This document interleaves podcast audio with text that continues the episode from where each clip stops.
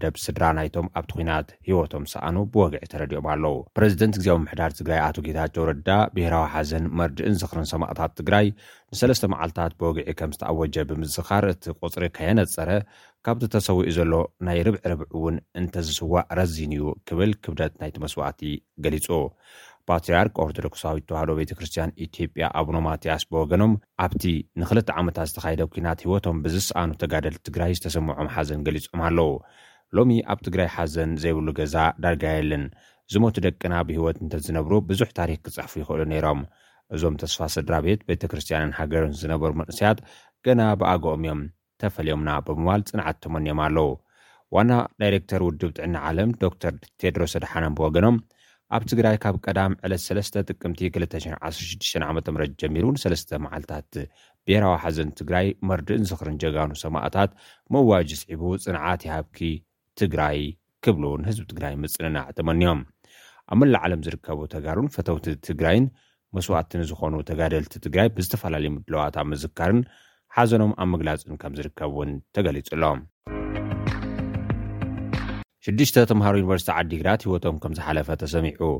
ኣብ ዩኒቨርሲቲ ዓዲግራት ሃገራዊ ፈተና ዓሰርተ ክልተ ክፍሊ ክወስዱ ዝቐነዩ ተምሃሮ ዝፀዓነት መኪና ድሕሪ ምግልባጣ ሽዱሽተ ተምሃሮ ህይወቶም ሓሊፉ ካልኦት ብዙሓት ድማ ከም ዝተጎድኡ ተሰሚዑ ኣሎ። እታ ካብ ዩኒቨርሲቲ ዓዲግራት ዝተበገሰት ኣውቶቡስ ብመገዲ ሓውዜን ትጓዓዝ ኣብ ዝነበረትሉ እዋን ኣተበብ ዝበሃል ከባቢ ናብ ሓደ ቢንቶ ከም ዝጸደፈት እዩ ተገሊጹ። ኣብ ትግራይ ድሕሪ ኣርባዕተ ዓመት ናብ ዩኒቨርሲቲ ዝኣተው ዘእቱ ሃገራዊ መዛዘሚ ፈተና ናይ ዓሰርተ ክልተ ክፍሊ ኣብ ዝሓለፈ ሰሙን ኣትሒዙ ክወሃብ ከም ዝጸንሐ ዝፍለጥ እዩ። ኣብ መቐለ ዝርከብ መወከሲ ሆስፒታል ዓይደር በዚ ሓደጋ ብከቢድ ዝተጎድኡ ተምሃሮ ክትትል ይገብረሎም ከም ዘለውን ገሊጹ ኣሎ። ኣብ ሆስፒታል ዓይደር ስፔሻሊስት መጥባሕቲ ዶክተር ፍሃርሲካ ኣምለስላሰ ኣብ ዩኒቨርሲቲ ዓዲግራት ዝነበሮም ፈተና ዓሰርተ ክልተ ክፍሊ ወዲኦም ናብ ከባብታት ዓብዪ ዓዲ ናብ ገዝኦም ኣብ ዝኸድሉ ዝነበሩ እዋን እዚ ሓደጋ ከም ዘጋጠመ ከም ዝገለጸሉ ቢቢሲ ኣብ ዘርጎ ሓበሬታ ኣመልኪቱ'ሎ። ዶክተር ፋሲካ ንቢቢሲ ኣብ ዝሃቦ ቃል፣ ክሳብ ሕዚ ናብ ሆስፒታልና ብኸቢድ ዝተጎድኡ ሸውዓተ ተማሃሮ መጺኦም ኣለው። ኣብ ርእሶም መስበርቲ ዘለዎምን መድመይቲ ዘጋጠሞምን ተማሃሮ ተቐቢልና ንሕክም ኣለና። ሽዱሽተ ተማሃሮ ከም ዝሞቱ'ውን ሓበሬታ በጺሑና ኣሎ ከም ዝበሎ ቢቢሲ ኣረጋጊጹ'ሎ። እዞም ግዳያት ክሳብ ዕስራ ክሊ ዕድመ ዝርከቡ መናእሰይ ከምዝኾኑ ዝሓበረ ዶክተር ፋሲካ፣ ሰሙያቱ ሆስፒታል ብከቢድ ንዝተጎድኡ መስበርቲ ንዘጋጠሞም ተምሃሮ ክትትል ሕክምና ይገብሩ ከምዘለዉ ገሊፁ'ሎ። ናብ ክፍሊ ፅዑቕን ክንክንን ሕክምና ዝኣተዉ ኣመና ዝተጎድኡ መጥባሕቲ ዘድልዮም ግዳያት ከምዘለዉ እውን እቲ በዓል ሞያ ጥዕና ገሊፁ'ሎ። ኢትዮጵያ ዞባዊ ጽልዋኣ ከተረጋግጽ ኣብ እትጥምተሉ ዘሎ እዋን ቀይሕ ባሕሪ ወሳናይ መድረኽ ኮይኑ ክቐርብ ሰነድ ከም ዘዳለወት ተገሊጹ። ብሚኒስትሪ ሰላም ዝተዳለወ ረቂቕ ሰነድ እዚ ሕጂ ዘሎ ምምሕዳር ብልጽግና ኢትዮጵያ ኣብ ቀይሕ ባሕሪ ዘለዋ ስትራቴጂካዊ ቁጠባውን ሃገራውን ረብሓታት ንምርግጋጽ ክጸር ከም ዘለዎ ሓሳብ ኣቕሪቡ ኣሎ። እቲ ሰነድ ወሲኹ ጉዳይ ቀይሕ ባሕሪ እዚ ንዘመናት ንኢትዮጵያ ዓብዪ ጂኦፖለቲካዊ ኣገዳስነት ከም ዝነበሮ ብምዝኽኻር ብድሕሪኡ ግን ኢትዮጵያ ወደብ ኣልቦ ዝኾነትሉ ኣጋጣሚ ኣዝዩ ዘተሓሳስብ ከምዝኾነ እዩ እቲ ሰነድ ኣመልኪቱ።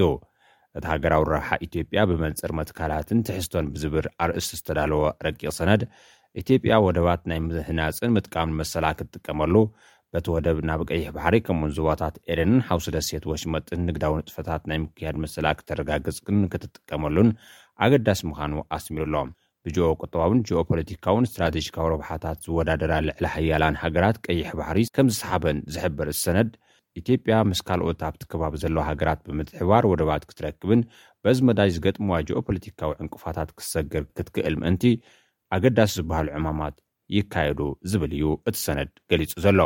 ጸብጻብ ጋዜጣ ሪፖርተር ከም ዘመልከቶ፣ ምዕቃብ ግዝኣታዊ ሓድነት እታ ሃገር፣ ምዕባይ ዞባዊ ጽልዋ፣ ምድንፋዕ ሰላምን ጸጥታን፣ ረብሓታት ኢትዮጵያ ኣብ ከባቢ ቀይሕ ባሕርን ሓውሲ ደሴት ወሽመጥን ብኣድማዒ መገዲ ንምስጓም፣ ከምኡ'ውን ምዕባይ ፓን ኣፍሪካዊ ልምዓት ሓዊሱ ዝርዝር ቀዳምነታት ዝወሃቦም ጉዳያት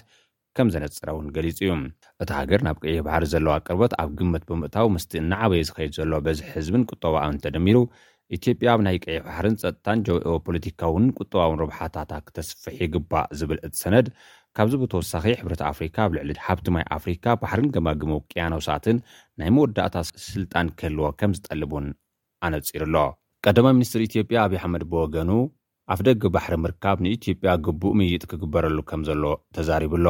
ኣብይ ኣሕመድ ኣብቲ ንኣባላት ባይቶ እታ ሃገር ዝሃቦ መብርሂ ቀይሕ ባሕርን ፈለግ ኣባይን ንጥፍኣት ወይ ዕብየት ኢትዮጵያ ወሰንቲ እዮም ክብል'ዩ ተዛሪቡ። እቲ ብዙሕ ዘይድፈር ኢሉ ዝገለጾ ሕቶ ኣፍደገ ባሕሪ ኢትዮጵያ ኣብዚ እዋን'ዚ ክስገር ዘይብሉ ኣገዳሲ ኣርእስቲ ምዃኑ ከልዕሎ ድማ ተሰሚዑ'ሎ። ጉዳይ ቀይሕ ባሕሪ ከየልዓልና ብሰላም ጸኒሕና እንዲና። ሕጂ ስለምንታይ ስቕ ዘይንብል? ዘይተርፈና ምስ ኤርትራ እንተተጓነጽናኸ? ምስ ጅቡቲ እንተተራጸምናኸ? ዝብል ስግኣታት ዘለዎም ሰባት ኣለዉ ዝበለ እቲ ቀዳማይ ሚኒስተር፣ ኢትዮጵያ ንወደብ እተውጽኦ ክፍሊት ኣዝዩ ልዑል ምዃኑ ብምጥቃስ፣ ናይ ሰለስተ ዓመታት ወጻእታት ጥራሕ ግድብ ህዳሴ ኢትዮጵያ ዘህንጽ እዩ ብምባል እቲ ኩነታት ከረድእ ፈቲኑ ኣሎ።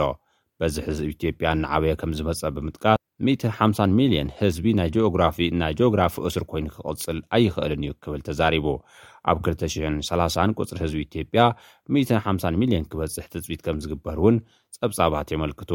ንቀይሕ ባሕሪ ኣብ ንቐርበሉ ዝነበርና እዋን ካብ ዓበይቲ ሓያላት ዓለም ነይርና ዝብል እቲ ቀዳማይ ሚኒስተር፣ ጎረባብቲ ሃገራት ካብቶም ኣብ ኢትዮጵያ ዝምንጭዉ ወሓይዝ ማይ ከም ዝረኽባ ብምዝኻር፣ እተን ሃገራት ዘለወን ማያዊ ጸጋታት ክከፈላ ግቡኦን ምዃኑ ኣሚቱ'ሎ።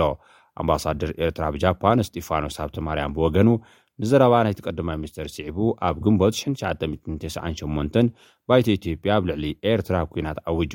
ብድሕሪ'ዚ ንኤርትራ ምድረበዳ ክትኣቱ ኩሉ ዓይነት ግፍዒ ፈጺሙ፣ ግን ፈሺሉ። እዚ መን ዘይፈልጥ ዝብል ጽሑፍ ብትዊተር ዝርጊሑ'ሎ።